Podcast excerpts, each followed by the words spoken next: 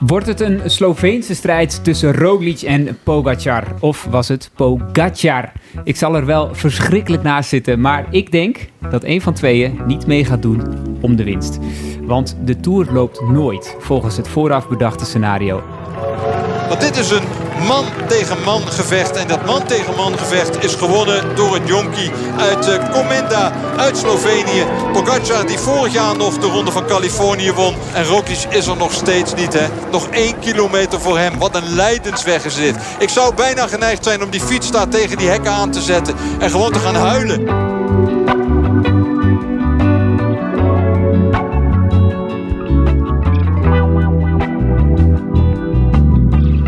Dit is aflevering 20 van de Fiets Podcast en die staat helemaal in het teken van de Tour de France. De officiële Tour de France gids ligt hier voor ons op tafel, geschreven door Thomas Olsthoorn en verslonden door Mark de Maar en Elias de Bruyne. Met vier zitten we hier aan tafel. Jongens, welkom. Dankjewel. Dankjewel. Dankjewel. De Tour gaat nooit volgens het scenario zoals het uh, vooraf bedacht is, Thomas. Ik zal even bij jou beginnen. Uh, jij hebt even, in ieder geval eerst even in kaart gebracht in de Tourgids... Uh, hoeveel het staat tussen Roglic en Pogacar. En je kwam tot 10-8 voor Pogacar. Ja, dat klopt, ja. En is het trouwens Pogacar of Pogacar? Ja, eigenlijk is het voor mij Pogacar, moet je zeggen. Hè? Ik heb inderdaad even gekeken. Het leek me inderdaad wel leuk om, uh, om ze even tegenover elkaar te zetten. Want dat zijn... Inderdaad, de Tour kan zomaar anders lopen. Maar ja. voorafgaand zijn natuurlijk gewoon de twee hè, topfavorieten. Ja, ik vind het dus fascinerend en daarom, daarom zeg ik het ook. Dat als, als, er wordt nu overal gezegd, dit, het moet wel heel raar lopen, wil het geen Sloveense tweestrijd worden. Maar volgens mij is dat, ja, kan dat toch prima? Tuurlijk kan dat prima. Zeker, uh, omdat, je, omdat ze te maken gaan krijgen met een, uh, met een heel sterk blok van Ineos bijvoorbeeld al. Ja. Mark? Uh, nou, inderdaad, dat uh, blok van Ineos kan uh, ze wel eens uh, in de weg gaan zitten, die Slovenen. Uh, wat te bedenken van het uh, parcours. Zullen het waarschijnlijk zo meteen nog even wat uitgebreider over hebben, vermoed ik zo. De, de, de route ligt al klaar bij jullie aan de overkant. Ehm, het is ook gewoon weer echt een klassiek Tour de France parcours. Dus het begint met twee lastige ritjes, althans lastig hupje in de finale. Uh, maar verder gewoon heel veel massasprints. Uh, dus veel kans op valpartijen. Waar de Slovenen nog maar even doorheen moeten zien te fietsen. Ja. En uh, Mark, even, wat, wat doe jij nu in het dagelijks leven? Ehm, hoeveel tijd hebben we? De, doe de verkorte versie maar. Ja, ja be, best wel veel. De rode draad is nog altijd fietsen. Vroeger was het fietsen, nu zijn het fietsen. Maar ehm, ik ben nog altijd wielrencommentator bij Ziggo. Uh, daarnaast werk ik bij de Sports Entertainment Group, uh, waar ik uh, renners manage. Zeg? Zeg, precies.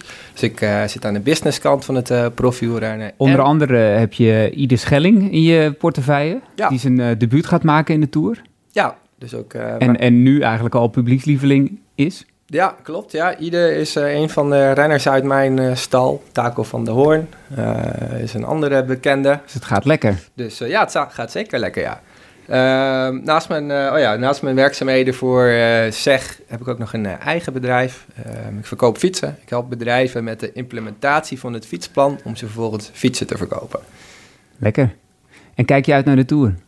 Ik kijk zeker uit naar de Tour. Ehm, ja, ik vind het ook wel een hele spannende. Ja, wat gaat er gebeuren? Tour altijd mooi inderdaad. Vakantie gaat bijna beginnen. Heerlijk toch? Hele dagen op de bank hangen. En Heb je daar tijd voor dan? Uh, nou, dat is ook werk, toch? Ja, precies. dat is waar. Elias, waar kijk jij het meest naar uit? Uh, in de naar die eerste ritten eerst maar eens om te beginnen. Dat vind ik wel hele spannende ritten. En, in, uh, in, in Bretagne? Ja, ik leef altijd wel van dag tot dag. Dus uh, wie pakt die gele trui op deze ja, dag? Ja. ja. En wie denk je dan dat die tegen de gele trui gaat pakken? Uh, Ala Philippe, Wout van Aert, Van der Poel. Ik, ja, ik gok gewoon echt op de punchers, op de grote namen, op de mannen die ja, hoog staan in de, bij de boekies, hè. Ja. Het is eigenlijk natuurlijk al lekker dat het niet begint met van die sprintetappes, toch? Dat is toch eigenlijk al veel fijner. Uh, ja, toch, ik vind, ik vind dat eigenlijk... Uh... Ja, er wordt uh, wel gelijk een klassementje neergezet, denk ik. nou ja, en Van de Poel kan de opvolger worden van Teunissen. Mm -hmm. Dat is toch ook wel lekker als Nederlandse fan. Plus, wat ik een interessante vind, uh, er zijn ook een aantal klassementsrenners in het voordeel op die twee aankomsten. De twee Slovenen bijvoorbeeld. Wat betekent dat weer zeg maar voor de hiërarchie binnen Denk je echt dat dat meteen al een, een, rol van betekenis gaat spelen? Voor de rolverdeling ook? Nou, misschien niet zozeer bij uh, Emirates en bij Jumbo-Visma, bijvoorbeeld wel bij uh, team uh, Ineos, die met drie kopmannen van start gaan. Ja. Want dan denk je aan een Poort misschien, die heel goed is in van die korte klimmetjes van drie kilometer en 6 procent. Precies, precies. Dus wat dan wel zou kunnen betekenen dat hij al wat sneller een, een vrije rol krijgt in het ja. team. Ja, en uh, ja, maar het is toch ook... Uh, ja, Poort trouwens, uh, die is aan zijn tweede jeugd bezig zo ongeveer. Ja, of derde, zijn vierde. In zijn, in zijn hoogtijdagen kwam hij niet voorbij etappe 6 en ineens rijdt hij iedereen op een hoop. Ja, die won zomaar de Dauphiné natuurlijk. Dus vorig jaar derde in de Tour. Dus ja, ik zou hem ja. niet uitvlakken. Ook niet met Carapaz en Thomas ernaast. Hij had wel wat geluk natuurlijk met uh, Lutsenko. Lutsenko. Ja die, ja. uh, die uh, alleen maar op Thomas was uh, gericht. Maar goed, dat, dit is natuurlijk ook een tactiek die Ineos in de, in de Tour nu kan gaan uitspelen. En dat is, oh, sorry, dat is, om daarop in te haken, dat is ook interessant of ze dat ook daadwerkelijk gaan doen. Want Brailsford die heeft natuurlijk al gezegd hè, dat ze na vorig jaar dat ze het anders willen gaan doen. Ja, het is wel heel interessant om te zien of ze dat ook echt in de grootste en de belangrijkste wedstrijd van het jaar, of ze het dan ook echt, en misschien zijn ze wel een beetje toegedwongen, maar of ze het ook echt gaan doen dan nu. Ja, hij roept trouwens al wel inderdaad dat ze heel lang, of, of dat ze attractiever willen gaan koersen. Of dat roept hij al sinds vorig jaar. Maar welke koers hebben ze nou daadwerkelijk wat attractiever? Ja, want in het Giro was natuurlijk met afstand het, de sterkste ploeg. Dus ja, dan ben je ook gedwongen om de koers te dragen. Zeker als je dan de gele of de rolstrui draagt. Ja, ja het was eigenlijk een klassieke Ineos-overwinning. Eigenlijk wel. Maar het is misschien wel leuk om daar even mee te beginnen. Om met dat klassement te beginnen. Want uh, gaat het nu is, is er iets veranderd? Uh, gaat het Jumbo-Visma versus, versus, Team Emirates worden? Of, of uh, zien jullie dat anders? Nou, je hebt sowieso Ineos, dus dat, dat, dat wordt al geen tweestrijd. Nee. En dan heb je ook nog Movistar met Lopez en met Mas. Ja. Ik denk dat die iets tekort gaan komen op basis van hun resultaat tot, tot nu toe. Maar het zijn er al sowieso drie blokken, dus... En dan heb je dus, dus inderdaad Ineos met, uh, met Carapaz, ja. Thomas, Heb en, ontdekt trouwens. En, en, en, en, uh, Heb jij ontdekt? Ja, ja. En Hart ook nog. Elias, vertel, nou ja, Elias kan het verhaal misschien beter nou, vertellen. ja, Mark, Mark heeft vrijwel alle uh, toppers ontdekt, uh, blijkt wel eens. Ja, in een of andere Spaanse koers is die een keer heel hard eraf gereden, geloof ik, door Carapaz. Die overigens toen al wel bij een Continentaal of een Pro-Conti team zat. Dus waarschijnlijk waren er toch al wat andere renners ja. of uh, mensen die hem ontdekt hadden. Maar ja, Nee, het is een, een blijven hangen. running gag between, uh, tussen ons. Uh, nee, ik reed ooit uh, in 2018 in de ronde van Asturias. En ik zat al 20, 30 kilometer in het laatste wiel van een groepje van 30. Um, en uh, er was een finish uh, bergop, een kolletje van 12 kilometer denk ik. En ik zag eigenlijk al voordat de weg omhoog uh, begon te lopen, karrenpassen vandoor gaan. dacht, je zag ook de een, klasse toch al, gewoon de pedaaltrend. renner worden, ja. Maar het is nu ook heel belangrijk voor jou natuurlijk dat het een grote renner is geworden. Ja, precies. precies. Want als dat inderdaad een enorme krabbe was geweest, dan, dan ja, had je een probleem nu, gehad. Hij kan het nu gaan waarmaken. Ja, maar dat, is, dat wordt natuurlijk heel interessant of ze dat inderdaad gaan doen. Of ze inderdaad veel attractiever gaan koersen. Want ze mhm. hebben er, ze hebben er vier, ze hebben ook nog... Hard ook nog. Ja, precies. Ja. en wat er ook een verschil is, kijk, vorig jaar in de, in de Tour... en dat had ook mee te maken, Ineos, die had ook een hele slechte Tour. Vorig jaar was Jumbo met afstand de sterkste collectief. Als enige ook eigenlijk. Ja. Nu op voorhand heb je eigenlijk gewoon drie, hè, met Jumbo, met UAE en Ineos. Dus dat geeft sowieso een andere verhouding.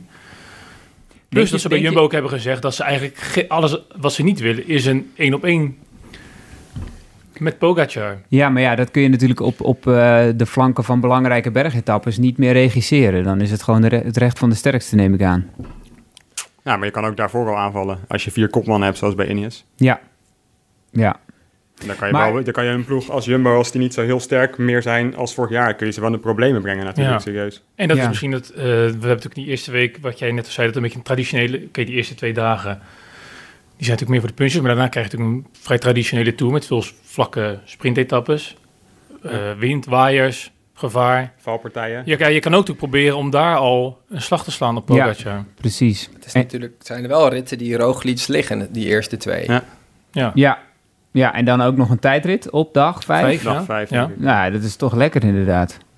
Maar als, als, stel dat, dat ze dan uh, in die tijdrit al het geel pakken. Gaan ze het dan eigenlijk net zo aanpakken als vorig jaar met de hele ploeg op kop, gele trui in het laatste wiel en uh, elke, uh, elke, zeg maar ook de etappes waarin het gevaar wel schuilt, maar nog niet de grote etappes zijn op kop rijden. Nou, dat is wel interessant. En dan is ook nog eens de vraag, wie pakt het geel? Want dat kan ook van aard nog zijn. Ja, ja zeker. Hij heeft daar, dat, dat zegt hij ook iets over, toch? In de, in de, in de gids. Ja. Dat hij heel graag dat, Ja. dat geel zou willen pakken. Hij is in ieder geval in orde, want eh, net Belgisch kampioen geworden. Dus Ja, na de blessure die hij had, was natuurlijk de vraag hoe goed hij zou zijn. Maar dat is blijkbaar eh, redelijk in orde. Ja nou is dit natuurlijk wel heel iets anders dan straks eh, in de Tour het goed doen. Ja, maar je wint zo'n BK, denk ik, eh, dat kan Mark beter vertellen dan ik. Maar een nationaal kampioenschap winnen tegen Evenepoel en een eh, goede Teuns en allemaal dat soort renners, dan moet je toch al wel serieus goed in vorm zijn op dit moment. Dus ook al bij Ja. aanvang van de Tour zal die dus ook goed zijn, denk ik. Ja, ik, wil, ik wilde trouwens net zeggen, B- BK heb ik nooit aan deelgenomen. Nee, goed. Wel aan, eh, Antilliaanse kampioenschappen wel. wel aan Maar goed. andere nationale kampioenschappen. Dat is een beetje hetzelfde niveau, toch, Curaçao? Dat, eh, Ehm, nou ja, vorig jaar was het natuurlijk toch wel een hele grote verrassing hoe eh, Van Aert... eh, nou, ik denk dat, dat we wel kunnen stellen dat hij huis hield eh, Ja. in de calls. Ehm, ja, de vraag is, heeft hij weer dat eh, niveau? Ehm, ja, daar zullen we toch echt even voor moeten wachten tot aan eh, de rit naar de Van Toe. Dat is denk ik de eerste serieuze bergetappe. Ja, want de Alpen zijn niet heel, niet heel zwaar dit jaar. Het zijn eigenlijk maar twee ritten. Nee. En niet de allerzwaarste. Dus dat is eigenlijk meer de eerste echte showdown voor de klimmers. Ja. Maar ja, op basis van wat hij tot op heden heeft laten zien, ja, toch zijn er toch wel wat eh, onzekerheden. Een lichtpuntje inderdaad, die Belgische titel. Eh, de vraag is natuurlijk ook, hoe gaan ze hem, eh, hoe gaan ze hem eh, inzetten? Vorig jaar eh, op voorhand zeiden zij gaat niet eh, meesprinten. En uiteindelijk kreeg hij toch nog wel eh, zijn kans. Maar ook Dan jaar... moest, hij, dan moest hij het alleen doen en dan, en dan won die etappes. Het is Ja. ongelooflijk. Ja, er werd ook een keer mooi gang, mooi gang gemaakt door eh, DSM of eh Ja, een treintje van Kees Bol natuurlijk. Maar Ja. hij zit altijd heel goed geplaatst. Dus, maar goed, eh, dat is ook zijn kwaliteit. ja, dat, hij dat, kan, dat hij daarvan kan profiteren. maar, maar Mark, vermoed jij dat hij in de eerste rit eh, vrij spel zal krijgen? Ja, goed. En hoe zie jij zijn kansen dan? Want die eerste rit is een aankomst van drie kilometer bergop. Eerste kilometer stel. Nou ja, de- En daarna vlakt het wat af, maar best wel lang. Zou de- hij daar voor Roglic moeten rijden of eh, zelf mogen gaan? Voor de Wout van Aert van vorig jaar eh, zou dat geen enkel probleem eh, moeten zijn. Ehm, goed begin is altijd het halve werk. Toch wel lekker als die druk er een beetje af is. Anderzijds, ook nu lees je in al hun communicatie dat ze één doel hebben. En dat is de eindoverwinning van Roglic. Ja, dat is een interessante. Ehm, ik kan me bijna niet voorstellen eh, als er een overwinning in de Tour voor het oplapen, oprapen ligt, dat ze hem laten lopen. Maar anderzijds hebben ze me wel, wel vaker verbaasd, zeg maar, met hun tactiek, met hun eh, eh, strategie. Ja. Maar wat de ambitie van Jumbo-Visma is toch gewoon die Tour winnen, zeg maar het eindklassement. Want ze hebben eigenlijk vorig jaar een geweldige Tour gehad. Met hoeveel etappe-overwinningen? Drie, geloof ik. Twee Ja. keer van aard, denk ik. Ja, dat eh, is-. Ja, ja, Dan heb je gewoon een, fantastische drie, ja. Tour Ja, drie, gehad. ja. En eigenlijk heeft niemand het daar meer over gehad na afloop. Maar ging het alleen Ja. nog maar over hoe ze de Tour hebben verloren. Ja, Ja. Terwijl Dus- ze hem alleen maar konden winnen. Hè? Dat was natuurlijk de het sentiment voorafgaand met het ingaan van de Tour. precies. Ik vond dat ook wel onterecht, want ik vind dat ze alles wel perfect hebben gedaan eigenlijk. Ja. Normaal, niemand, ja, nou ja, niemand had toch vooraf ooit gedacht dat eh Pogacar die minuut zou dichtrijden. Op zich deden ze op dat moment toch alles perfect. Ja. Alleen stuitten ze gewoon op een gegeven waar Ja. ze toen in de tijdrit pas achterkwamen dat die Pogacar zo verschroeiend hard kon uithalen. Ik vond wel maar ik had ze- dat ook niet. Ik had dat ook totaal niet zien uitkomen, aanzien komen. En ik denk eigenlijk vrijwel niemand. We zaten toch allemaal met eh totale er, was, er, verbazing was, te kijken. er was niemand die van tevoren zei: dit gaat sowieso eh, naar Pogacar. Denk Nee, ik. Was de- inderdaad. denk ik.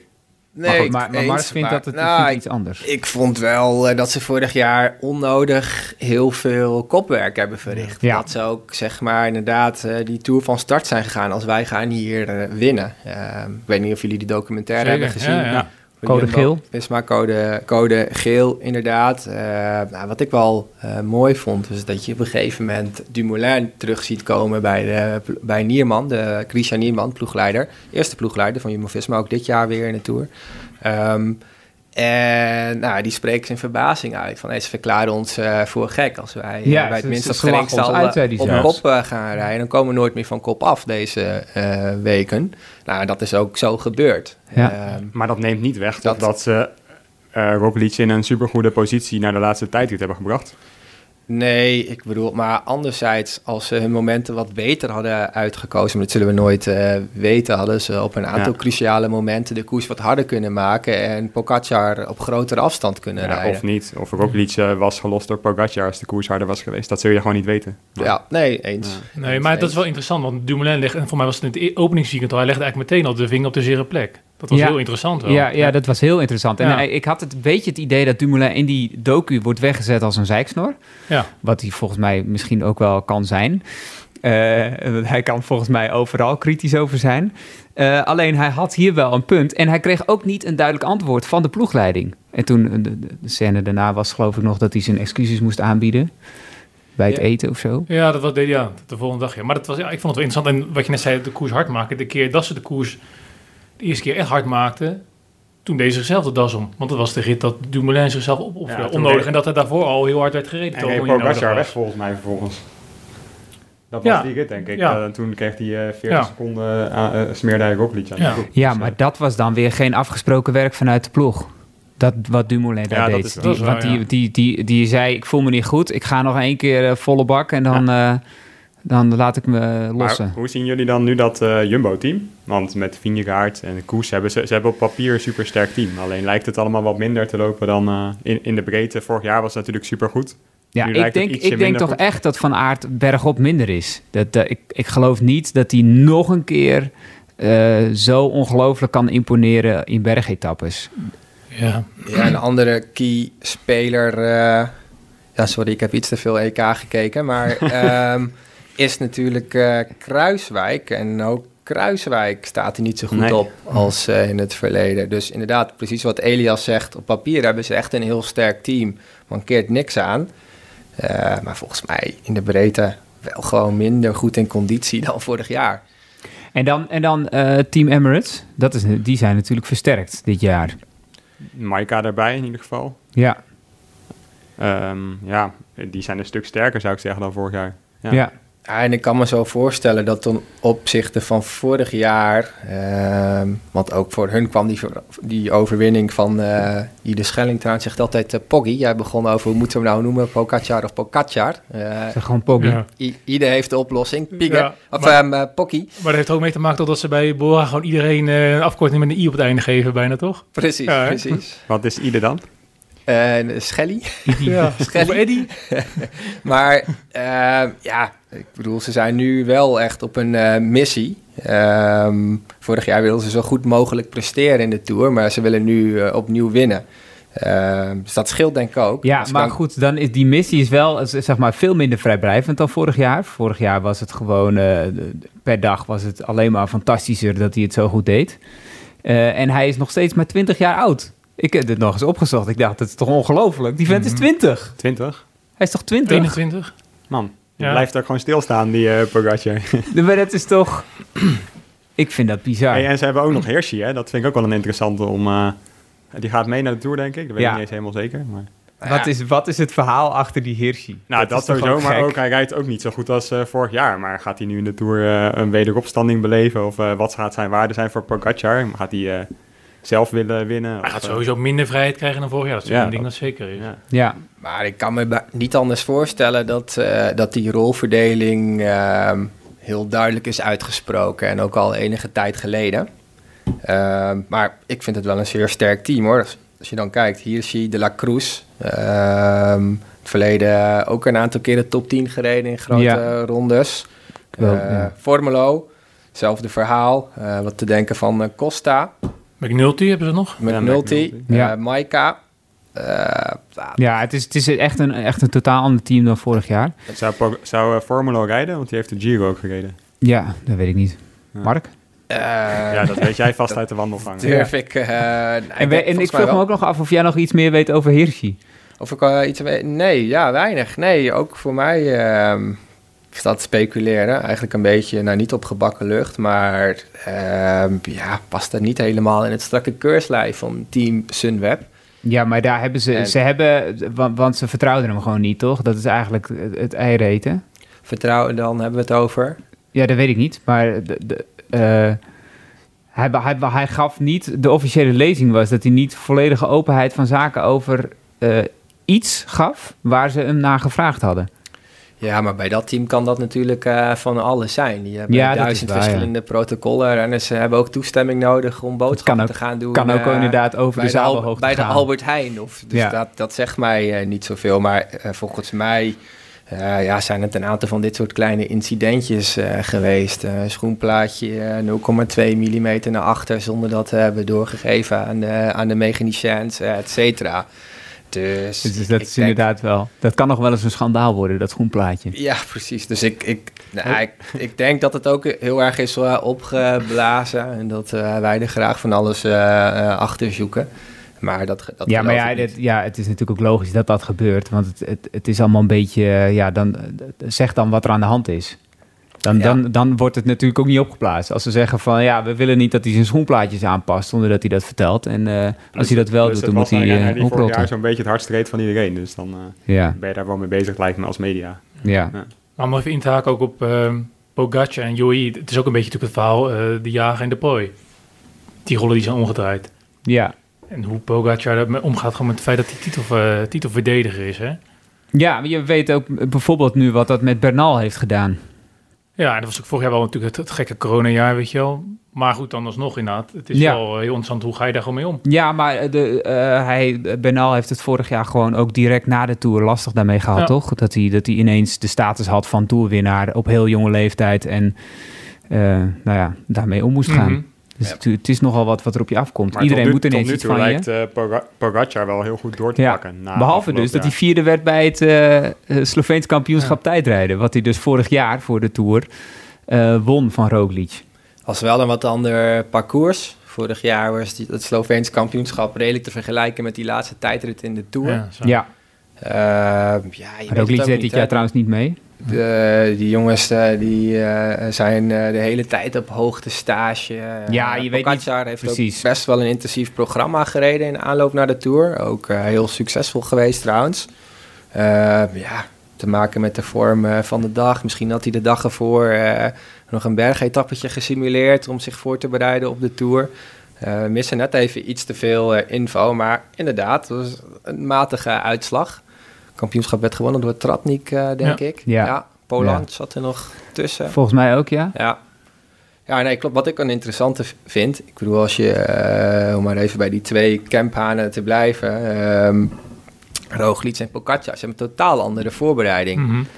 uh, Roglic heeft eigenlijk uh, al, nou, wat was zijn laatste koers? Jij bent de koning van Pro Cycling Stats. Ja, leuk, ik ja. begin de dag altijd met twee uurtjes Pro Cycling Stats doornemen. Ja. Van 6 tot 8. Nee, ik, uh, ik denk Luik eigenlijk. Ja, ja. klopt, ja. ja. ja. Ik waar, heb hem, waar Pogacar won, hè? Dat, uh, ja, ja, ik heb hem geïnterviewd voor de, voor de Tour gisteren. Dat was de maandag na de Amstel. Dus nou ja, toen heeft hij nou dus nog twee koersdagen gehad. Pogacar? Nee, uh, Roglic. Oh, Roglic. Roglic. Ro en het ging natuurlijk ook over het feit, want het was net bekend geworden dat hij waarschijnlijk geen koersje meer zou rijden. En toen werd ook gevraagd van, joh, waarom kies je voor deze voorbereiding? Hè? En, ja. Nou goed, het kwam natuurlijk gewoon op neer dat hij uh, aangaf van, ja, die derde week in de grote ronde is niet altijd mijn sterkste week. En ik kom wel fris dat we een hoogtestage.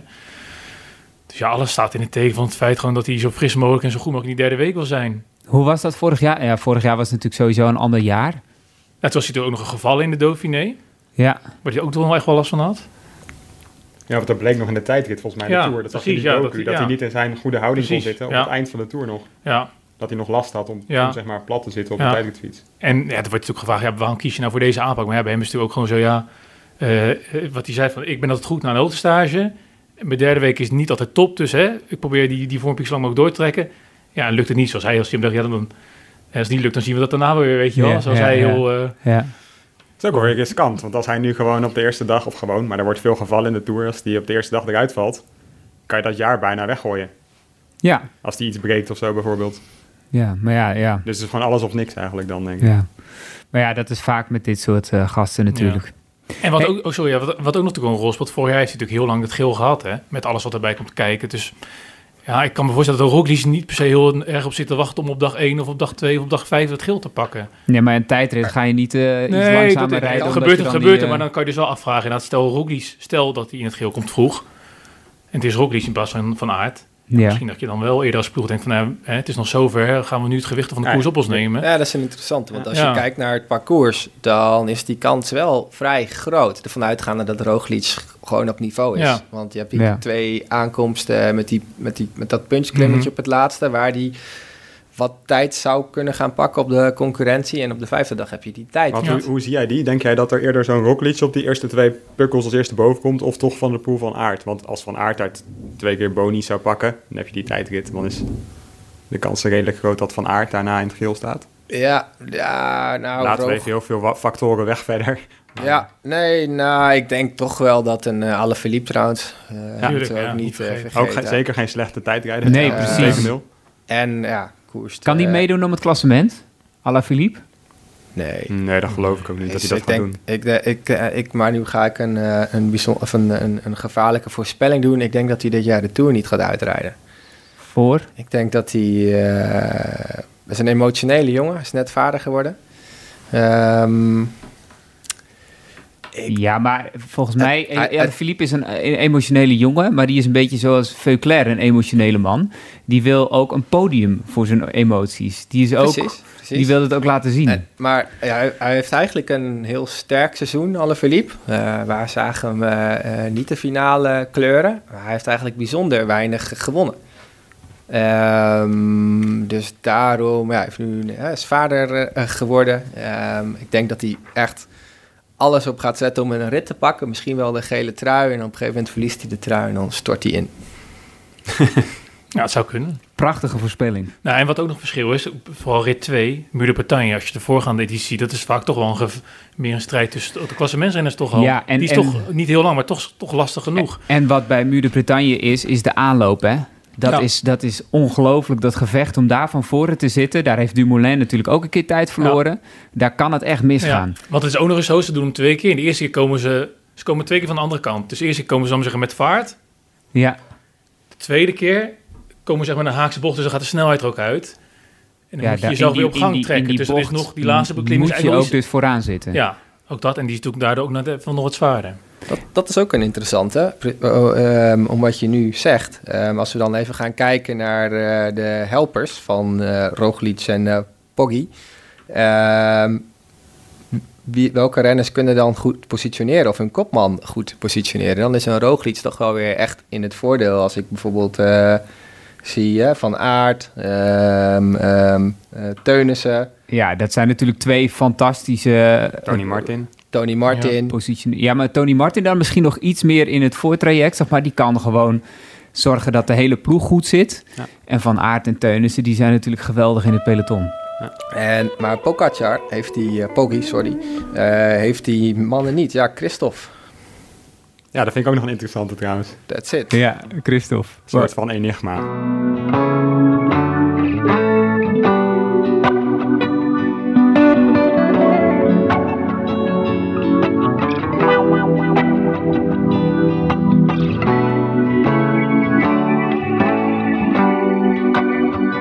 Even naar de Nederlanders. Want we hebben natuurlijk ook nog een paar Nederlanders die het goed kunnen gaan doen in het klassement. Uh, globaal gezien, Mollema, Kelderman, Kruiswijk en Poels. Kruiswijk is misschien eh, in dienst van, van Roglic, die hebben we ook al even besproken. Uh, is Kelderman dan de meest kansrijke voor het klassement? Ik denk dat dat de enige is die zeker voor het klassement gaat rijden. Waarvan hij is in ieder geval kopman bij Bora. Ja. Uh, Mollema weet ik niet, dat weet Mark misschien beter of uh, Thomas. Maar ik de laatste jaren rijdt hij vaak ook voor, een, eh, voor zijn ritten. Maar ik weet niet hoe dat zit. Volgens mij was een, het idee van Mollema vooraf dat hij de Giro voor ritten zou doen en de Tour voor het klassement. Ja, is dat duidelijk uitgesproken? Ja. Ik weet niet hoe het nu met Nibali zit. Ja, de Tour ook echt wel een beetje in teken staan van Tokio ook over hem hoor. Ja. Die is nog, dat is nog belangrijker. Ja. Precies, maar zowel Mollema als het team... Ja, die zitten niet altijd, in ieder geval in de media, niet altijd op uh, één uh, lijn. Maar voor zover ik weet gaat Mollema volledig voor Tokio. En volgens mij is het onmogelijk om, goed, als je goed wilt zijn in Tokio, om dan een klassement te gaan rijden in de Tour. Zo hard gelachen. nou ja, dat is misschien een beetje lullig. Maar de, bij die waaier-etappe vorig jaar Waar er uh, tijdsverschillen waar Pogacar, Pogi ook uh, tijd verloor. En dat uh, Trek als enige niet wist dat er waaiers konden ontstaan. Dat Mollema bij de finish zei... Ja, nee, ik had eigenlijk geen idee dat dat kon gaan gebeuren. Nee, hadden we het nooit over gehad. ja. Het hele peloton heeft het over één ding en zij weten dat niet. Maar van Kruiswijk zou je ook niet zeggen nu op basis van hoe hij rijdt... dat hij ook maar kans maakt. Op nee, maar zeker ook niet dat eh, als je Roglic in de ploeg hebt, dan, ja, dan ben je toch gewoon helper. Zeg maar. dat, dat is uh, lullig voor hem, maar ja, dat is dan niet anders. Ja, dat vind ik wel een interessante. En toch, uh, ik ben het met je eens, uh, maar toch wordt hij door het team weer neergezet als kopman of mede kopman. ja, maar wat maakt dat uit? Nou, nou ja, ik nou, voor de beeldvorming nog wel wat, weet je, ook richting gewoon publiek. Of dat heel handig is, want het, dan moet ik meteen, nu je dat zegt, aan Dumoulin denken vorig jaar in de Vuelta. Daar werd ook gezegd van, jullie zat als kopman. Maar ja, die jongen was er helemaal niet... Werd, was op dag 1 was eigenlijk al duidelijk, op dag 2 dat hij dat gewoon helemaal niet de niet vorm had. En niet, kon. Nee, precies. Dus, maar ja, als je dat wel zegt, dan komt dat wel bij, zal ik zeggen, gewoon het algemene wielerpubliek. En de wielervolgers wel over als van... Kijk eens, dit moet, die jongen moet van klassement rijden. En, dat komt met verwachtingen, bedoel ja, je precies. Dat is helemaal niet handig. En dat komt, uh, komt Dumoulin helemaal niet ten goede natuurlijk. Nou, ik, ik zelf denk, ik weet niet hoe het bij de rest van het publiek zit, maar ik denk zelf dat, ja, maakt het uit. Ik bedoel, uh, we zien toch wel wie de sterkste is. Ja, maar uh, er wordt natuurlijk naar gevraagd, toch? Door journalisten en zo, van wie is nou de kopman en zo. Dus ja, maar als je twee van dat soort... je weet sowieso dat Kruiswijk in ieder geval... Ja, of Sepp Koes is nog heel goed. maar, maar dat hij het langst overblijft in de bergen. Of het vaakst in ieder nou, geval. Ja, toch ook zeg maar, eh, dat soort uitspraken moet je ook weer niet uh, onderschatten. Je hebt ook een bepaalde rolverdeling, hiërarchie in zo'n team. Um, al die renners, uh, um, ik weet niet of ze allemaal op wielerflits zitten, of Sepp Kuss ook op wielerflits zit bijvoorbeeld. Maar um, ja, er, daar zijn sommige renners toch wel gevoelig voor. Hoor. Van hé, hey, vrek, mijn teammanager of team ploegleider spreekt uit dat hij kopman is, maar ik rijd toch veel beter. En, maar tegen mij is ooit dit gezegd, hoe zit dat? Ja, dus, ja dat vind ik ook uh, wel een uh, bijzondere bij Jumbo-Visma. Als ik kijk, om uh, even bij Kuus te blijven... Um, wordt het niet eens tijd om hem een wat vrijere rol te geven. Ik bedoel, de afgelopen anderhalf jaar hebben Bennett en een um, Kruiswijk dat wel gekregen, maar die niet waargemaakt. Um, en nu worden ze eigenlijk weer, dan Bennett dan mocht het gaan proberen in de Giro, niet gelukt weer niet gelukt. Um, en Kruiswijk heeft nu weer een, een rol als kopman in de Tour. Maar wat voor vrije rol zou je dan voor hem zien in deze Tour? Of zou dat nou, dan juist in een andere grote ronde moeten zijn? Nou, um, voorbeeldjes uh, vorig jaar de rit in de Vuelta op de Angliru. Ja. Um, waar hij bij um, Roglic moest blijven. terwijl die eigenlijk niks meer voor Roglic eh, kon betekenen. Ja. Maar hij had wel Niet die echt een klim ook waar je iets hebt aan Precies, kopwerk. maar hij had wel die rit kunnen winnen. Ja. Uh, nou, dat zijn toch, denk ik, zeg maar... Je moet af en toe die jongens ook wat geven om ze, om ze blij en, uh, en, en, gemotiveerd te houden. Ja, precies, precies. Uh, en ik bedoel, Kus is wel iemand die op beslissende momenten het verschil kan gaan maken eh, voor de kopman. Ja. Ehm, dus dat vind ik wel interessante dingen om van een afstandje te bestuderen, te volgen. Um, even hey, en, en Kelderman, wat, wat zou die dan kunnen? Want die is natuurlijk, volgens mij is die uh, goed in orde. Er zitten twee tijdritten in. Uh, het, is, het is best wel een parcours waarvan hij zou kunnen zeggen... nou, als hij in het begin een beetje Zeker. ongeschonden meekomt... Zeker. dat is dan eigenlijk de voorwaarde ja. bij Kelderman. Dan kan hij een beetje in die ronde groeien... en met die tijdritten wat tijd pakken. Of het goed doen in ieder geval. Ik denk dat Kelderman gewoon vooraf gaat. De, de, de meest kansrijke Nederlander is om een goed klassement te rijden. Ja. Absoluut. En zeker eh, als je, ik heb hem afgelopen eh, jaar ik al meerdere keren gesproken. En het viel mij ook op dat hij, heeft ook een paar jaar gehad dat hij in de Vuelta ook nog wel hè, eh, goed reed, vierde wedstrijd, zesde. En daar zei hij eigenlijk nog van, ja, en toen was ik niet eens lichamelijk en conditioneel top. Nee. En dat is hij nu wel. En dat heeft hij duidelijk aangegeven ook. Dat hij echt lekker ook in zijn vel zit. Weet je, overgang naar de ploeg verloop, verliep allemaal goed. Het moet toch één keer ooit ja, moet allemaal dit, goed vallen voor dan hem. is dit het jaar. Al is de Giro natuurlijk ook vrij goed voor hem gegaan, vorig jaar. Ja. En dat vertrouwen heeft hij meegenomen natuurlijk. Ja.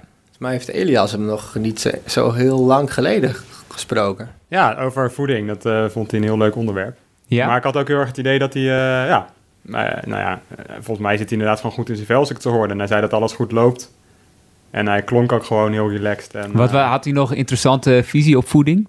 Nou, hij is daar wel heel, heel erg mee bezig. Hij was dat, uh, de app, de voedingsapp waar ik wat over heb geschreven, Eat My Right, had hij uh, via Kickstarter uh, ontdekt. Dus daar, was, daar speurt hij blijkbaar af en toe op. Maar hij zei, ja. ja. dat vind ik gewoon mooi. En het is ook heel erg belangrijk voor een prof om daar veel mee bezig te zijn. Ja. Dus zodoende, maar... Ja. Ik vond ook, naar aanleiding van zijn vertrek bij Sunweb... had hij een interview bij de collega's van AD in de podcast. En ik vond hem opvallend sterk in zijn schoenen staan. Hij, heeft een, hij wordt wel eens neergezet als een beetje... Nou, hij is natuurlijk sowieso de pechvogel... maar iemand, hij wordt misschien neergezet als iemand die dat ook over zichzelf afroept die niet echt uh, uh, nou ja, doortastend zou zijn. Maar hij is juist, uh, hij staat ergens voor en hij wilde het op ja. een bepaalde manier. En hij kan best wel een leider ik, zijn, ik, blijkt. Ik ken hem niet, niet goed, maar het, mensen verwarren natuurlijk ook wel makkelijk wat meer introverte mensen met... ja, met afwachtende of, mensen. afwachtend. En dat hoeft natuurlijk helemaal niet zo te zijn. Dus nee. ik vind dat in een beeldvorming vaak wel negatief over hem wordt geschreven. Ja. Ook met betrekking tot het vallen. Ik bedoel, dan val je een aantal keer ja, dat kan gebeuren, maar je weet nooit precies waarom. Misschien valt er iemand uh, één meter voor hem, dan ga je eroverheen, heb je gewoon veel pech. Ja. Misschien valt uh, Oliveira, ik noem maar een renner, ook wel uh, zeven keer in het jaar. Alleen is dat geen kopman en ja, hij valt wel veel, dat geef ik toe. Maar ja. het is allemaal zo wel makkelijk of zo. En, ja, dat ja. denk ik ook wel, ja. Dat ben ik helemaal met je eens. Het is eigenlijk wel heel indrukwekkend, verwonderenswaardig... hoe vaak hij weer terug is gekomen op niveau. ja. Um, nou, hij is echt, echt niet kapot te krijgen. ver weg moeten komen. Um, heeft nooit opgegeven. Want ik bedoel, heel veel profs denk ik hadden al lang de handdoek gegooid. Um, ja, en ook mentaal. Ik bedoel, hij heeft een aantal, nou, toch ook al wat domme, domme valpartijtjes uh, gemaakt. Of uh, nou, gewoon door eigen schuld. Um, dat, uh, ik, ja. ik quote inderdaad ja, even iets uit het blad en Thomas kop, zoekt dat erbij op. Van ja, ik heb hem gelezen inderdaad. Nee, maar ja. ja. ik ben niet kapot te krijgen. Dat is de kop van het interview inderdaad. Maar die valpartijen, die hebben ook wel wat onzekerheid uh, met zich meegebracht. En, uh, maar daar heeft hij zich niet door uit het veld laten slaan. Dat heeft hij iedere keer weer overwonnen. Dat vind ik wel gewoon heel erg knap. En vorig jaar zat hij toch wel heel erg dichtbij een overwinning in een grote ronde. Ja. Dus het is hem in ieder geval uh, gegund. En ik denk ook, uh, als we de st statistiekjes er even bij gaan pakken. Uh, volgens mij heeft hij nagenoeg vlekkeloze voorbereiding gehad. Er werd ja. ergens ja. in januari van de sokken gereden. Hij is nog gevallen in Baskeland, ja. dat hij eruit moest. Toen ging Woods ging voor zijn neus onderuit. Precies, daar kon hij dus weinig aan nee, doen. Dat was ook zo'n valpartij. Ja, klopt. Hij zat helemaal vooraan, Woods glijdt voor hem weg en een bocht. Ja, dan doe je gewoon niks meer. Maar slechts twee valpartijtjes hè, voor uh, Kelderman. ja, dat, maar dit is inderdaad een, een, een vlekkeloze voorbereiding, nagenoeg. Net vierde in de, wacht even, Dauphiné, toch? ja. ja. Ja, net als Port, als hij de eerste paar etappes mm -hmm. overleeft en uh, tot de tijdrit komt, zeg maar, dan wordt het echt heel interessant. Ja. En wat je net ook al aan... Oh, sorry. Nee, ga ja, plus weer een jaartje volwassener, hè. Uh, vorig jaar uh, die trui even mogen dragen in de Giro. tot de laatste dag meegedaan om de eindoverwinning. Dat is ook, ik bedoel, hij heeft die ervaring. Ik bedoel, hij, hij weet nu, zeg maar, hoe het werkt. Um, um, hoe die een koers moet gaan uh, uh, indelen. Ik bedoel, daar moet je ook nog eens maar mee om kunnen zien gaan. Hè? Die, al die zenuwen die het met zich meebrengt om tot dat laatste weekend uh, mee te strijden om een eindoverwinning. Nou, is wat anders dan een zesde of zevende ja. plek. En hij weet ook gewoon dat hij op het midden van de weg moet blijven rijden, zodat die ploegleiderswagen er niet voorbij kan. ja. Als, ze, als ze naar ploegmaatjes ervoor willen rijden, dat heeft hij ook geleerd. En een hele goede ploeg. Had het ook niet vergeten. Ja, Bora. Absoluut. Sterke blok ook. Waar dus ook uh, Dark Horse Ieder Schelling voor rijdt. Ja. Thomas, jij hebt met hem gefietst en Mark, jij bent zijn manager. Dus uh, laten we even kijken of, of alle verhalen over hem kloppen. Ja, laten we beginnen met uh, Thomas. Ja, ja, het, ja het, het, leukste was, ik heb inderdaad met hem gefietst. Dat is voor de aankomende editie van um, Pro Cycling. Laat, laat maar raden, langs de duin, door de duinen. Uiteraard, Kijk. waar hij nog een heel mooi verhaal vertelde over hoe hij zijn huidige vriendin heeft ontmoet. Heel mooi verhaal. Vertel. Of is dat voor het blad? Dat is wel voor het blad, ja. Dat is wel een... Uh, Tipje van de sluier ja, dan? Nou ja, goed. Uh, hij fietste daar een keer. Hij zag een, uh, een, een, een, leuk meisje die, die het wel wat zwaar had met de wind. Dus die die even op de bagagedrager meenam. Die zei van, joh, haak maar even aan. nou ja, lang van kort uiteindelijk kwam het op neer. Hij wist de naam. hij wist dat zij Den Haag kwam. Uh, maar dat was moet je nu ophouden, hè? Ja, ik moet ophouden, ja. moeten mensen... Ja, dat, precies, dat, ja. dat en, toen, en toen, ja. Maar het was zelfs en een wat, wat voor fiets reed hij? We gaan er gewoon overheen praten. Op de fictie of op de... Dat heb ik niet, dat heb ik niet gevraagd, maar dat zou zomaar de fictie net kunnen zijn. Maar het leuke was wel, want we hebben het interview op de fiets gedaan. Wat dat wel ook een leuke manier is om iemand een renner te interviewen, of renster. Uh, we hadden afgesproken bij de Hof om daar foto's te maken. En het leuke was, hij kwam aan rijden en ik hoorde een hele gekke toeter. Dat was Ide. Die kwam gewoon op zijn uh, Boa, uh, hele mooie specialized fietsen aanzetten. Met zo'n hele grote toeter erop. Ja. Want ja, in de stad. Dus ja, die is toch wel handig om te hebben. Mm -hmm. dat is eigenlijk wel een leuke, een leuke binnenkomen. Maar ja, hele, hele leuke, sympathieke jongen. En uh, onwijs goede renner. En zo koerst hij ook, hè? Aanvallend. Een beetje tegen de wielenconventies in. Zeker.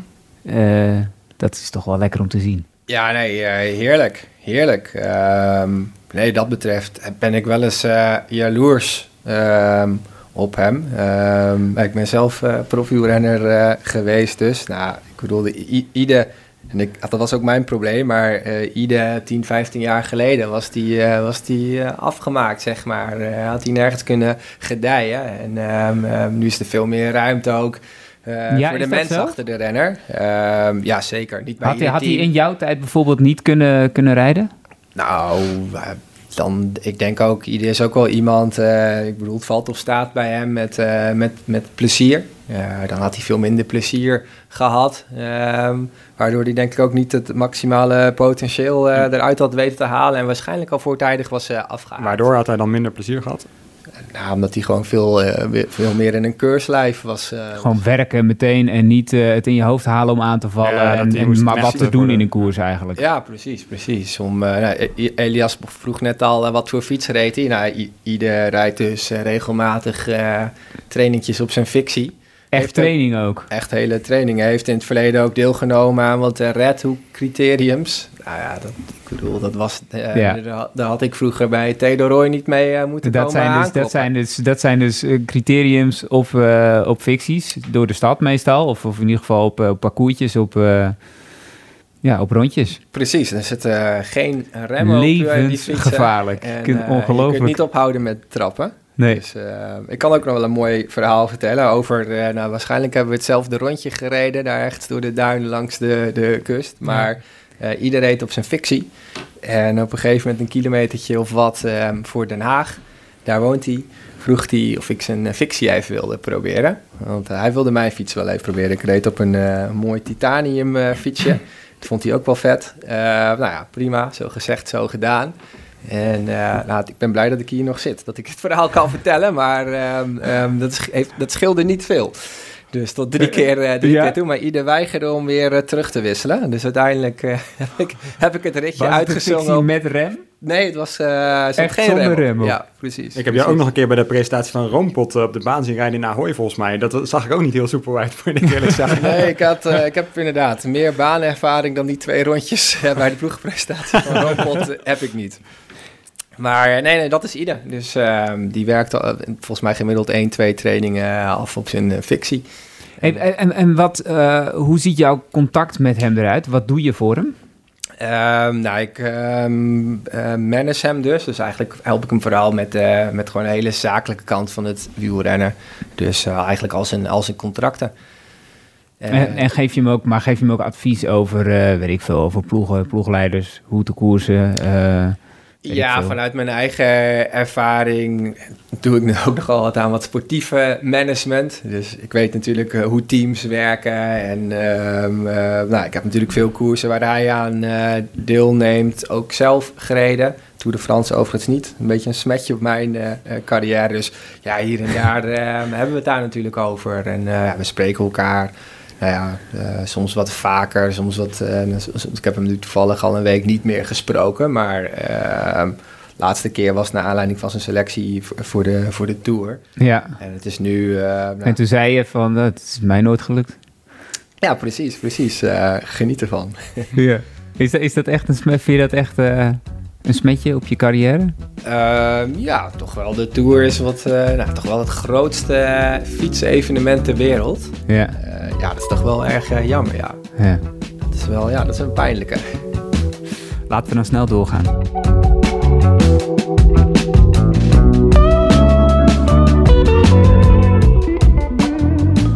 Ik wil nog één klassementsrenner behandelen. En dat is eigenlijk een ex-klassementsrenner. Namelijk Chris Froome. Ja, al denkt hij daar zelf uh, anders over. Ja. Inmiddels niet meer, geloof ik. Hoe, nou, voor deze tour is hij uh, akkoord met het feit dat hij uh, niet een rol, uh, precies, een rol van betekenis gaat spelen als wegkapitein. En denk ik, ja, de, ja, goed. Met alle respect voor Roy Curvers, maar dat was Roy Curvers toch altijd, zeg maar, in dat, die categorie renners en niet Chris Froome.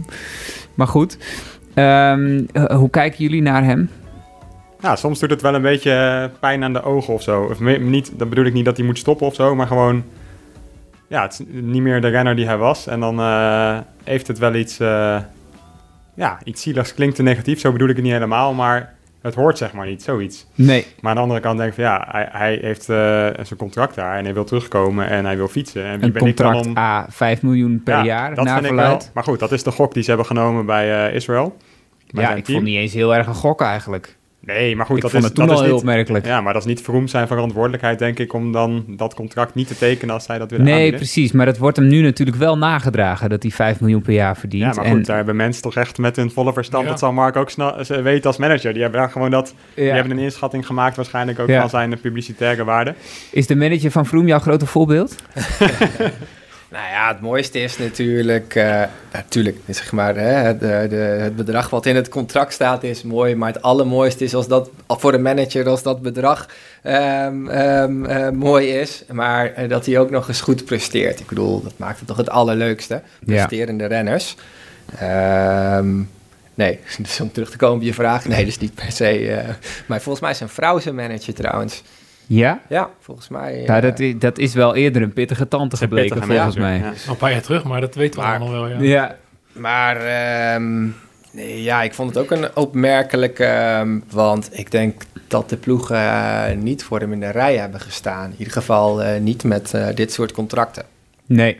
Nee, dat zal niet, nee. Maar nou, ik denk wel dat hij eh, bij de helft van de World Tour kan tekenen, toch? Ja, zeker, maar ehm, ehm, niet voor dit bedrag. Ik Nee. Maar wanneer heeft hij getekend? In dat jaar van zijn valpartij, toen nog helemaal niet zo duidelijk Ja. was misschien dat... eh, ja, kijk, nu weten we wel veel meer. Nu weten we het proces veel beter, hoe, hoe sloom dat gaat. En eigenlijk dat het niet... Ja, dat gaat nooit meer worden wat het was. Dat kunnen we wel met zekerheid zeggen. hij is in de. Dauphiné gevallen, hè? Twee jaar geleden. Ja, en toen Tijdens de verkenning Van de van tijdrit. de tijdrit. ja. Ja. ja. Omvergeblazen door Ja. een windvlaag. Bijna alles gebroken wat je kunt Ja. breken. Ja, vooral één kant, de rechterkant, denk ik. Weet ik eigenlijk niet eens. weet ik ook niet. Nee. Maar goed, als je Wout Poels ook hoorde, die zei het is eigenlijk bijna een, won- het is wel een wonder dat hij nog fietst. Ja, Dus ja, het is maar net, ja, als je van die kant bekijkt, dan Ja, ik Ja. vind wekt het ook een zekere bewondering wel weer op. Weet je. Ja, wel. dat je ik je ook had wel. ook kunnen zeggen, van, als je zo aan gruzelementen ligt, Nou, dan, maar dat- je hebt dat vind zoveel, ik- je hebt dat zoveel vind ik dus. Ja, want, want het is ook helemaal niet zo dat zijn palmares... Ik vind het, dat, dat, dat, het, is, het is misschien een beetje een ideaalbeeld... dat je als sporter stopt op je hoogtepunt.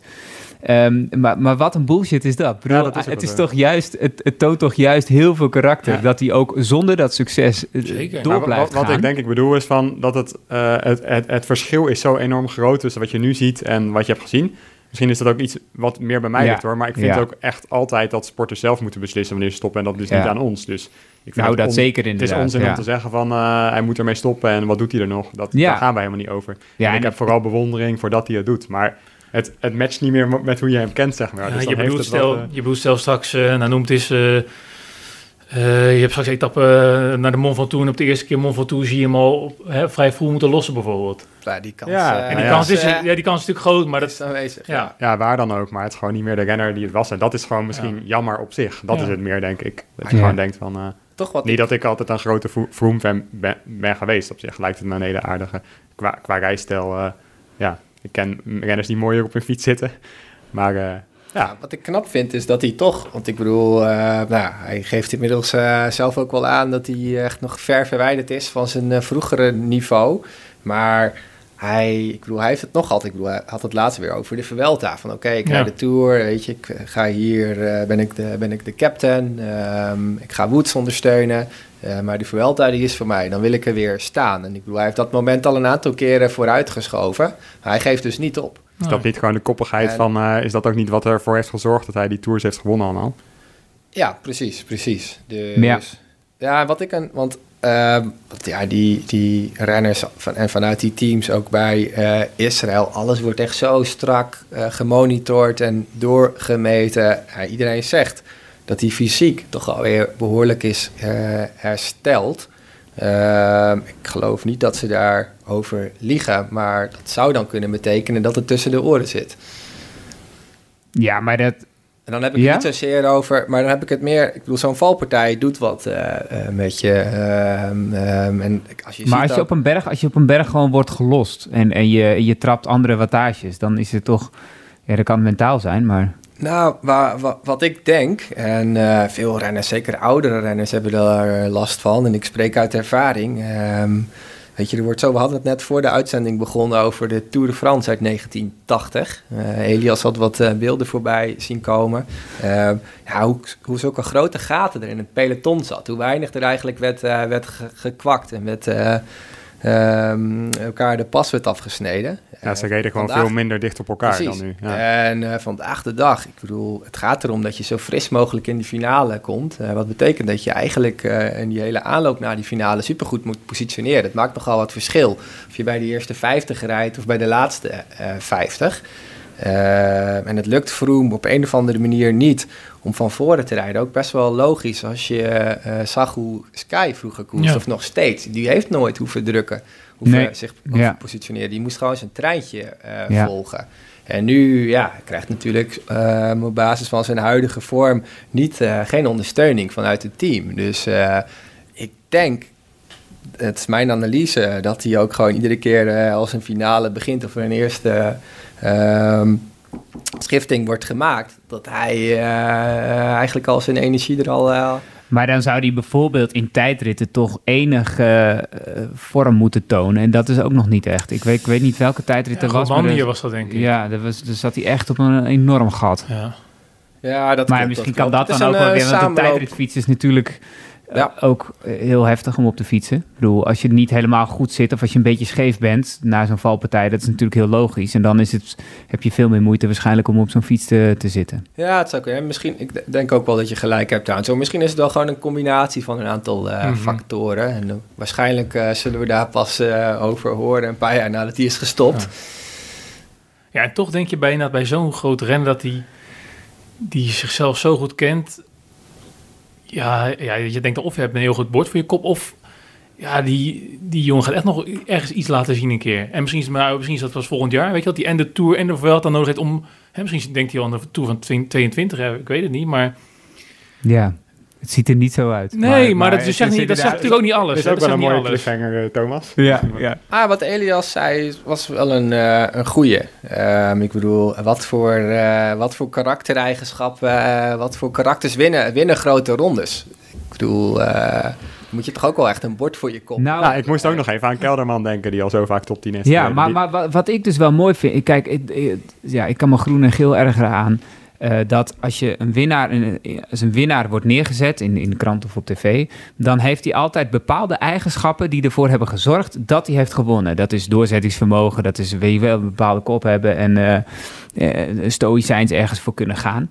Maar je ziet nu aan Froome dat hij met diezelfde eigenschappen achteraan kan fietsen. Dus er zijn natuurlijk nog honderd renners die nooit winnen, maar die eigenlijk die eigenschappen ook hebben. Maar superveel profs hebben die eigenschappen, anders word je toch al heel vaak helemaal geen prof, denk nee, ik. ja, precies. Maar dat, dat wordt natuurlijk wel eens, dat, dat, dat beeld ontstaat natuurlijk wel eens. Ja, zo. Ja, een dat, beetje dat een, een winnaar beetje, heel bijzonder is. Een beetje maar... karikaturen van uh, ja. renners zonder en met karakter of zo. Ja, ja. Bauke Mollema heeft toch ook gewoon meer karakter dan de rest van de ja, peloton? precies. Zeker dan, uh, ja, dan Kelderman. Ja, dat, zeker, dat is Elias favoriete onderwerp. Ja, dat is mijn stokpaardje. ja.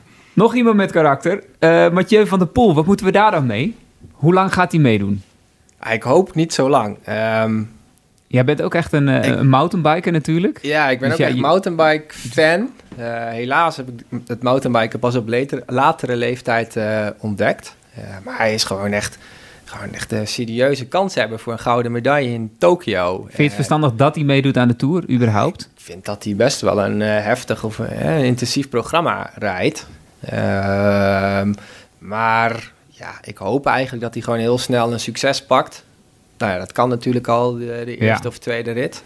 Uh, ja, en dan uh, nog een paar dagen het geel draagt en dan afzwaait. En ik denk dat dat het verstandigste is. Tokio, serieus tijdsverschil, ja. hele andere weersomstandigheden. Dus je moet daar ook vroeg heen om fatsoenlijk te kunnen acclimatiseren. Ja, en, en natuurlijk een totaal andere discipline. Dat is ja. toch eigenlijk bizar dat iemand dit gaat proberen. bedoel, we hebben vroeger bijvoorbeeld Sven Nijs het wel eens zien proberen. En die, die kwam er gewoon niet eens tussen. Hè? Dat, dat lukte hem gewoon niet. Terwijl het uh, met afstand de beste uh, crosser was toen. Ja, nou denk ik wel uh, dat het mountainbike hier in Nederland wordt uh, onderschat. Het is echt wel een hele grote sport. In, niveau, in vergelijking met veldrijden ligt het niveau. Uh, ja, maar dat bedoel ik, zeg maar. Dat, dat, dat ja, zelfs Sven Nijs het, het, het, in die sport niet kon bolwerken. Ja, ehm, kon hij trouwens ook op de weg niet. Um, nee. Maar nee, klopt. Nijs uiteindelijk, volgens mij met heel veel pijn en moeite, heeft zich nog een keertje kunnen kwalificeren voor de Spelen. Met die ja. 9 of 10 of zo. Maar uh, nee, super knap. Nu wel, ik bedoel, hij was op hoogtestage nu niet zo heel lang geleden van de pool. En uh, daar trainde hij ook regelmatig op zijn mountainbike. En uh, misschien hebben ze straks na iedere etappe een, een mountainbike op de rollen staan, zodat hij even kan. het zou me niet verbazen. Nee, want bijtrainen op de mountainbike. Ja, maar ik ben benieuwd hoe jij erover denkt. Dat steeds dat switchen had van die races naar die mountainbike.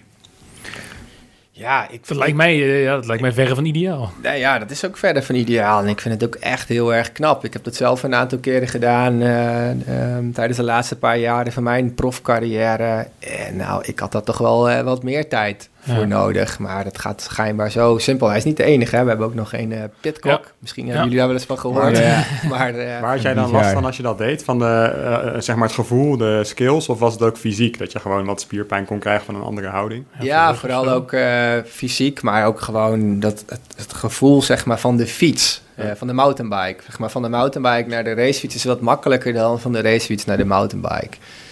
Maar uh, nee, dat, dat, daar had ik wel een week of twee weken voor nodig. En uh, ja, van de pool, uh, volgens mij, welke wereldbeker was het ook alweer, had hij geen meter op een mountainbike gezeten. En hij won gelijk zijn eerste koers. Ochtends stond zijn fietsje klaar, heeft hij een uurtje ingereden en uh, huppa, middags won hij de wedstrijd. Ja, maar dat is echt ongelooflijk, hè? Ja. Hoe, hoe, lang heeft hij nu, Thomas, weet jij dat? Of, tussen, tussen Tour en, en, en mountainbike? Nou, die mountainbike-wedstrijd is het het is op de dinsdag. Dus even kijken. Je hebt uh, toe eindigt op die zondag. Dan heb je natuurlijk de weekend daarna heb je de wegwedstrijd. En nee, op de maandag is dan het mountainbiken. Dus er zit dus in het ligt, ligt, aan, ja, ligt aan wanneer die, uh, wanneer die afstapt. Maar er zit een afstapt. week tussen de finish van de Tour en de... En de acht, dagen, acht dagen zitten... Acht dagen. ja. Maar, maar goed, als ik jou zo hoor met die switch... weken kunnen nemen. Ja, maar als ik jou zo hoor met die switch, dan is het inderdaad gewoon... hoe eerder je stopt, afstapt in de Tour, des te beter. Voor, hè, met oog op Tokio. Ja, ja zo in het geel afstappen. en hij, nou, misschien heeft hij ook wel, als die mits, mits hij de Tour niet uitrijdt... ook wel een voordeel op zijn uh, mountainbike-concurrentie. Uh, ik bedoel, zeg maar, tijdens zeg maar, de hardheid, denk ik, die in de Tour opdoet... Uh, die is niet trainbaar... Um, andere mountainbikers rijden nog wel even een wereldbeker mm -hmm. tussendoor. Uh, maar that's it. Die hebben ja. verder niet de luxe zoals Van de Poel. Ja, ja, ja. En Pitcock trouwens. Ja. ja. Dus ja, eigenlijk kan je proberen dat juist in... Het klinkt als een nadeel, maar je kan het ook proberen een voordeel van. Ja, zou een voordeel uit kunnen halen. Ja.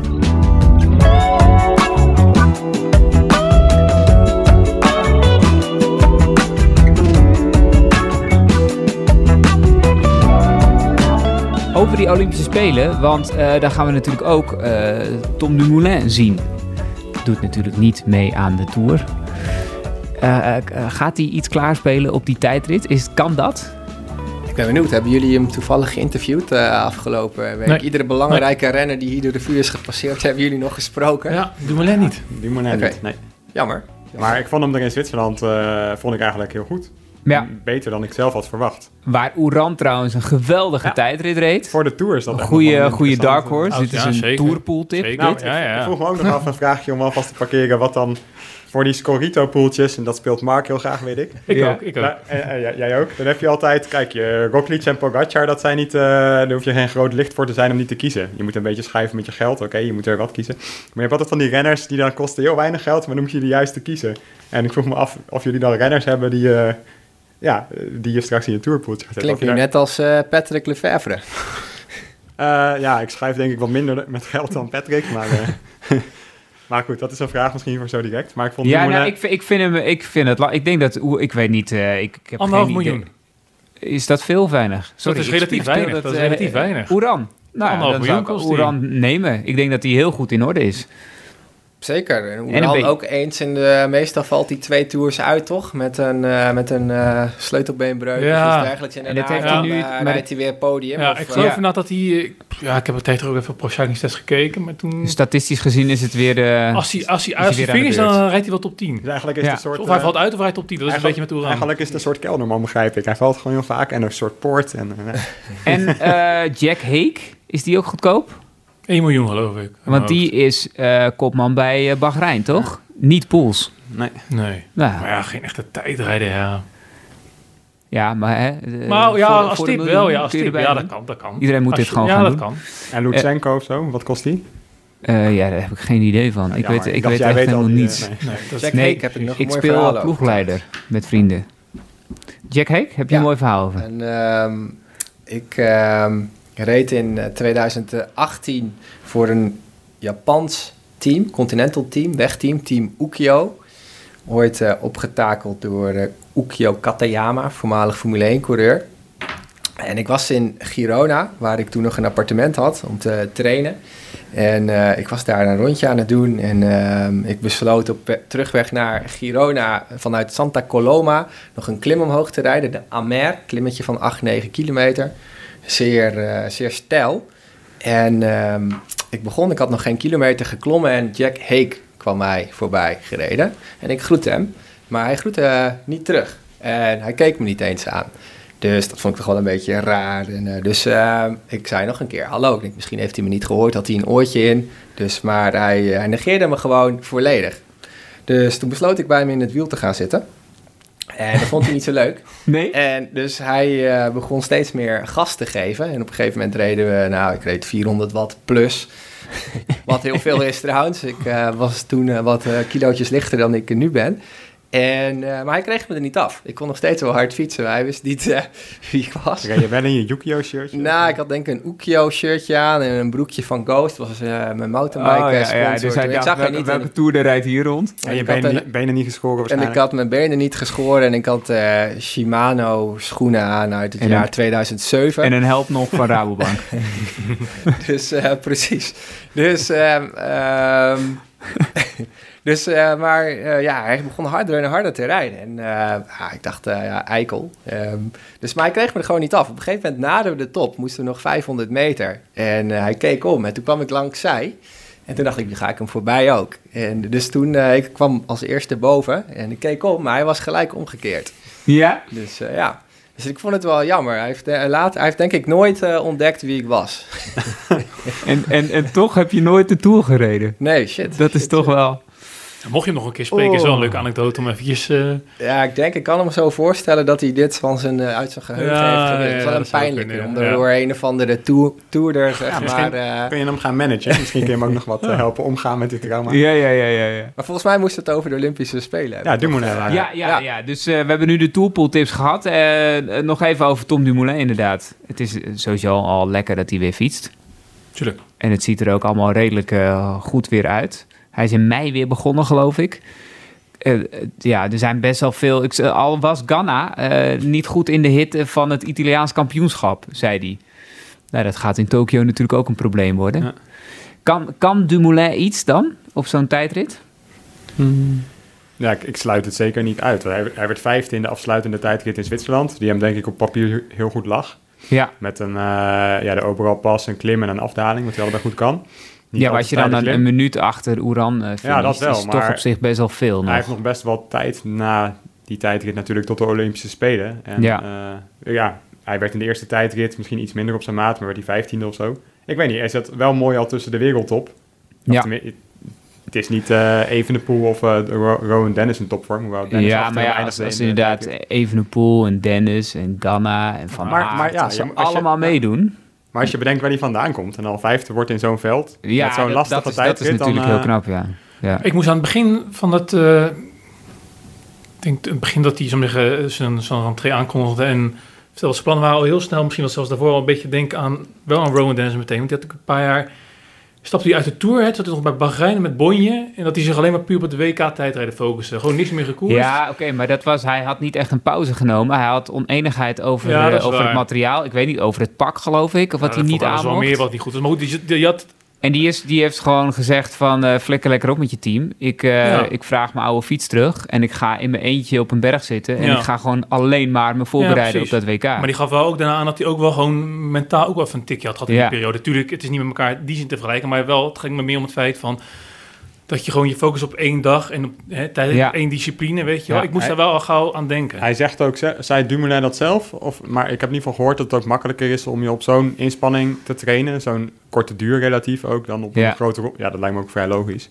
Maar hij heeft niet de inhoud nodig om een klassement te rijden in de Tour voor die tijdrit. Dat is wat ik een beetje begreep. Ja, precies. Het is natuurlijk een andere, andere conditie die je moet hebben of een andere vorm. Een kortere inspanning. Ah, ik, geef hem, ik, ik geef hem een kans op een, een goede kans, een grote kans op een medaille. Om te winnen uh, kon wel eens lastig worden. De vraag is ook, als je ziet uh, hoe hard, hoe erg die heeft geworsteld met het uh, wielrenner zijn, met het uh, voldoen aan verwachtingen. Ja, er lijkt wel iets, zeg maar, in vergelijking met de Dumoulin, hè, die in de Giro won, wel iets te zijn afgestorven, zeg maar. Ook, ja, ook als je nu interviews van hem voorbij ziet komen, dan zie je toch best wel veel onzekerheid. Uh, en twijfel mhm. over het wielren bestaan. Ja, alsof je ook meer is gaan relativeren of zo. Ja. waarom ga ik eigenlijk helemaal als een malle voor zo'n voor, voor zo'n grote ronde? Ja, precies, precies. En maar ook, ja, ook voor deze tijdrit. Ik bedoel, Alster, uh, ik bedoel, dit is denk ik wel de manier om zijn, uh, de, de, enige manier misschien wel om zijn carrière weer te herlanceren. Ik denk niet meer dat we hem nog terug gaan zien in grote rondes, althans niet voor, voor goede klasseringen. Um, maar ja, ook daar moet je kop wel echt helemaal uh, fris zijn. En dan moet je echt af kunnen zien, moet je kunnen leiden. En moet je ook echt knijters hard trainen. Misschien wel hard, ja, niet, niet harder, maar anders. Ik bedoel, hij gaat nu gewoon veel intensiever uh, moeten trainen dan hij in het verleden heeft gedaan uh, voor ja. zijn klassementsambities. Maar hij lijkt wel redelijk opgeruimd, vind ik hem, als ik hem op tv zie bij interviews. Ja. Dat is wel een andere Dumoulin voor mijn gevoel dan zo van achter de tv. Nou, hij, hij zegt in ieder geval dat hij er veel meer lol in heeft en dat hij er positiever in staat en dat hij weer eigenlijk eh, met zoveel woorden dat hij weer snapt wat hij aan het doen is. Ontzettend blij na de tijdrittitel die hij pakte. Ja. Dat zag er ook gewoon, ja, ja. dat had wel wat gedaan blijkbaar. En maar ik vond het ook leuk dat hij zei... wel internationaal, weet je wel. In de, het is knap dat je Sebastian Langeveld op een half minuut rijdt, maar het is natuurlijk niet wat er tijdens de Spelen gevraagd wordt. Als alle toppers uit alle landen meedoen. Nee, maar goed, dat is niet een, het is niet een heel andere uitslag dan de afgelopen jaren. Want Langeveld is al uh, drie keer de tweede geworden. Die zat wel vaak op zo'n afstand op ja, ja, ja, en, dus misschien, ja, en misschien geldt nog wat, wat Mark net aanzet met Van der Poel. Dat hij misschien ook wel, en dat geldt misschien niet voor het hele deelnemersveld, maar wel van een aantal concurrenten, dat hij misschien ook een voordeel kan pakken uit het feit dat hij geen Tour heet. Hè? Dus niet laat in Tokio, jetlag, weet je wel. Ja. Ja, dat, Kan, dat, is toch een, deel, een onderdeel van factor Hij die, gaat die invloed hebben op de veel meer tegenkomen in de tussentijd, zeg maar. Ja, moet trainen, maar... Ja, het verkeer van tegenwoordig weet je nooit meer. Nee, nee dat is waar, ja. Maar anderzijds, de, hij gaat nu ook weer te maken krijgen met de factor uh, druk. En die heeft hem wel parten gespeeld. Mhm. Dus dat vind ik een interessante, want ook die selectie voor de Spelen ja, ook heel lang heeft hij uh, de bondscoach uh, Moerenhout uh, onzekerheid gelaten. Het is eigenlijk pas vrij laat geweest dat hij heeft gezegd... oké, ik ben er klaar voor of ik ga naar... Is dat eigenlijk niet gek dat hij zomaar geselecteerd wordt... in plaats van bijvoorbeeld Dylan van Baarle? Nou, ik denk... Nee, nee? Ik, vind, nee ik, vind van, ik vind van niet, want... alle andere Nederlandse renners hebben eigenlijk ook geen gereden kans op Olympisch goud. En als je dan een medaille wil pakken, dan moet je gewoon, ik zou, dan moet je altijd een gok nemen met die renner die daar in potentie wel kans op heeft. Ja. Want er zijn gewoon geen. Dylan van Baarle is een supergoede renner, een supergoede tijdrijder. Maar het zou een volslagen verrassing zijn als hij opeens een tijd, op de tijdrit, op de Spelen, een medaille zou pakken. Dus er zijn ook niet echt. Ik vind dat eigenlijk helemaal niet zo'n rare keuze. En ook niet zo'n keuze waar je zo over zou moeten discussiëren. Nee, wordt dat wel gedaan dan? Dat nou, gemist. Jij haalt het nu aan. Maar ja, ik haal, uh... nou, omdat ik dacht, is het überhaupt aangehaald? En ik zou me kunnen voorstellen dat als je van Baarle bent en, en ook goed kunt tijdrijden, dat je denkt van ja, hallo. Ja, maar hij, hij doet even niks en hij komt terug en dan mag je niks één keer meedoen. Maar goed, van Baarle neem je dan mee voor een tiende plek, met alle respect. En dat is ontzettend goed. Maar die gaat, denk ik, normaliter niet. Een, dus ik vind het niet zo'n rare keuze. Nee, inderdaad. Tom Dumoulin is nog wel Tom Dumoulin. Ja. Ehm, en de spelen zijn de spelen. Ik bedoel precies wat Elias zegt. Daar ga je, je doet niet mee om mee te doen. Ehm, eh, terwijl je een Dumoulin in huis hebt. Ja, want wie heb je verder? Kelderman kan goed tijdrijden, maar uh, ja, die rijdt de Tour uh, volle bak. En, ja, en ik neem aan dat ze dit ook wel hebben overlegd. Dat lijkt mij ook. En wat misschien nog een beetje kan helpen, Japan is natuurlijk wel lekker ver weg van Nederland. De spelers gaan in een soort, ook een soort bubbel. Ja, nou, Hè, je, bedoel- gaat daar, ze gaan, je gaat daar gewoon in een, op een leeg autocircuit fietsen. Ja, het wordt dus- echt de sfeer van Kijk, Likmefeestje tuurlijk, ja, natuurlijk. er komt sowieso druk bij kijken. Hoe je of het Ja. verkeerd natuurlijk. Maar Het is dat er zo'n bannetje staat van de Spelen. Maar je zou net zo goed kunnen doen alsof het een, eh, een, clubtijdrit Ja. is. misschien dat het iets verschil uit kan maken hoor. Ja, ja, ik, Het is een beetje hoe je ermee omgaat natuurlijk Ja, zelf ook. precies. Maar het is toch ook niet... En- maar wat- i- is het zo dat hij ook heel moeilijk met druk kan, kan omgaan? Want hij heeft natuurlijk het nodige gepresteerd in het verleden. Nee, nee ja, ik denk... ehm, maar er is heel veel extra druk eh, Ja. bijgekomen. En ook nu weer. ehm, en ik, dat heeft hij zelf in de hand gewerkt. Maar ik denk als hij trouwens geen goede tijdrit had gereden in Zwitserland... eh, eh, in combinatie met dat NK, met een goede NK... dat hij misschien nog wel was eh, afgehaakt. Want het is wel Ja, gewoon echt een, ja. een... Hij heeft wel gewoon een winnaarsmentaliteit... Ehm, en ik bedoel, hij gaat niet.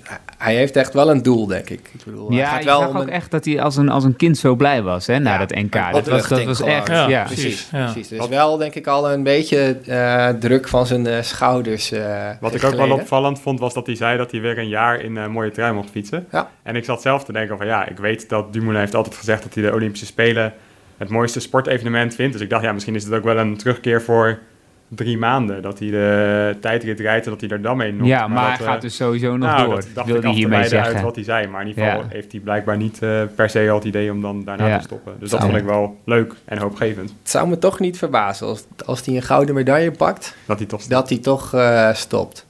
Ja? Maar ik heb, ik heb dat interview ook gezien of gelezen dat hij zei van ja, toch gaaf, kan ik nog een jaar in die trui rijden. Ja. Het is een tijdrittitel, dus hoe vaak ga je... Dat betekent dus ook dat hij mee- deel gaat nemen aan aan etappekoersen. Mhm. Ja. Maar het zou me niet verbazen.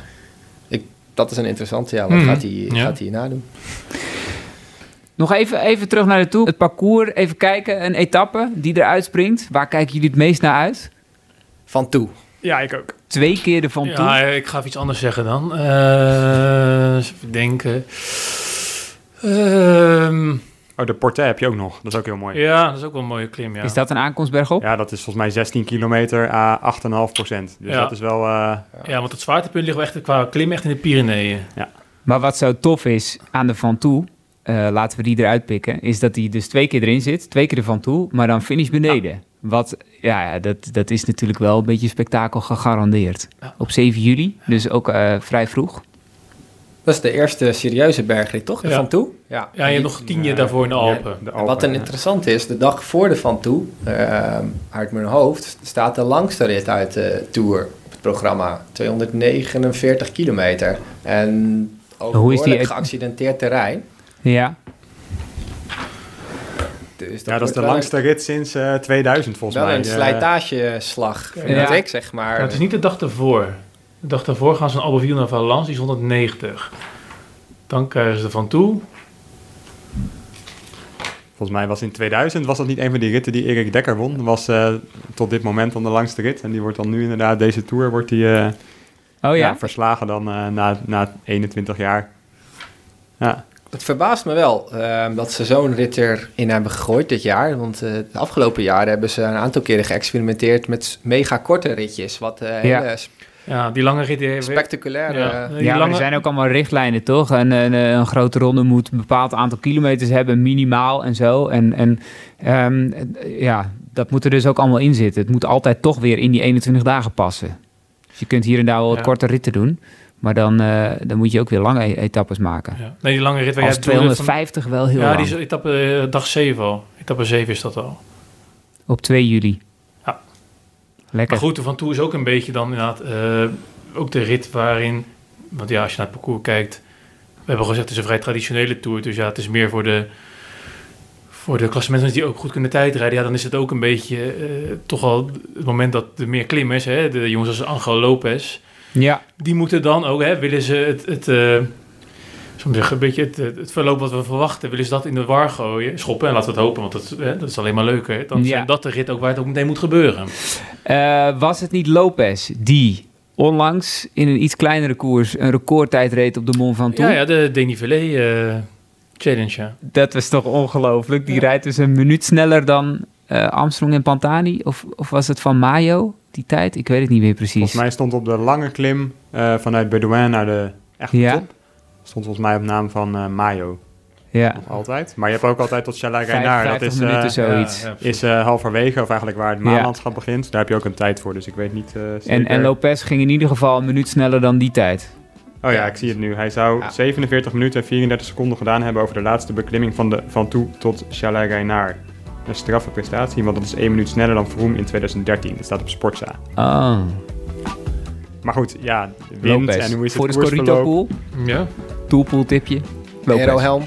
Aerohelmpje op. Ja, ja precies. precies. Uh, bedankt mannen. Ja, graag gedaan. Dat jullie in deze gedaan. podcast wilden yes. zitten. Een lekkere voorbeschouwing op alles wat komen gaat in juli. Dit was onze voorbeschouwing op de Tour en aflevering 20 van de Fiets Podcast. Dank voor het luisteren en veel plezier. Zaterdag begint hij.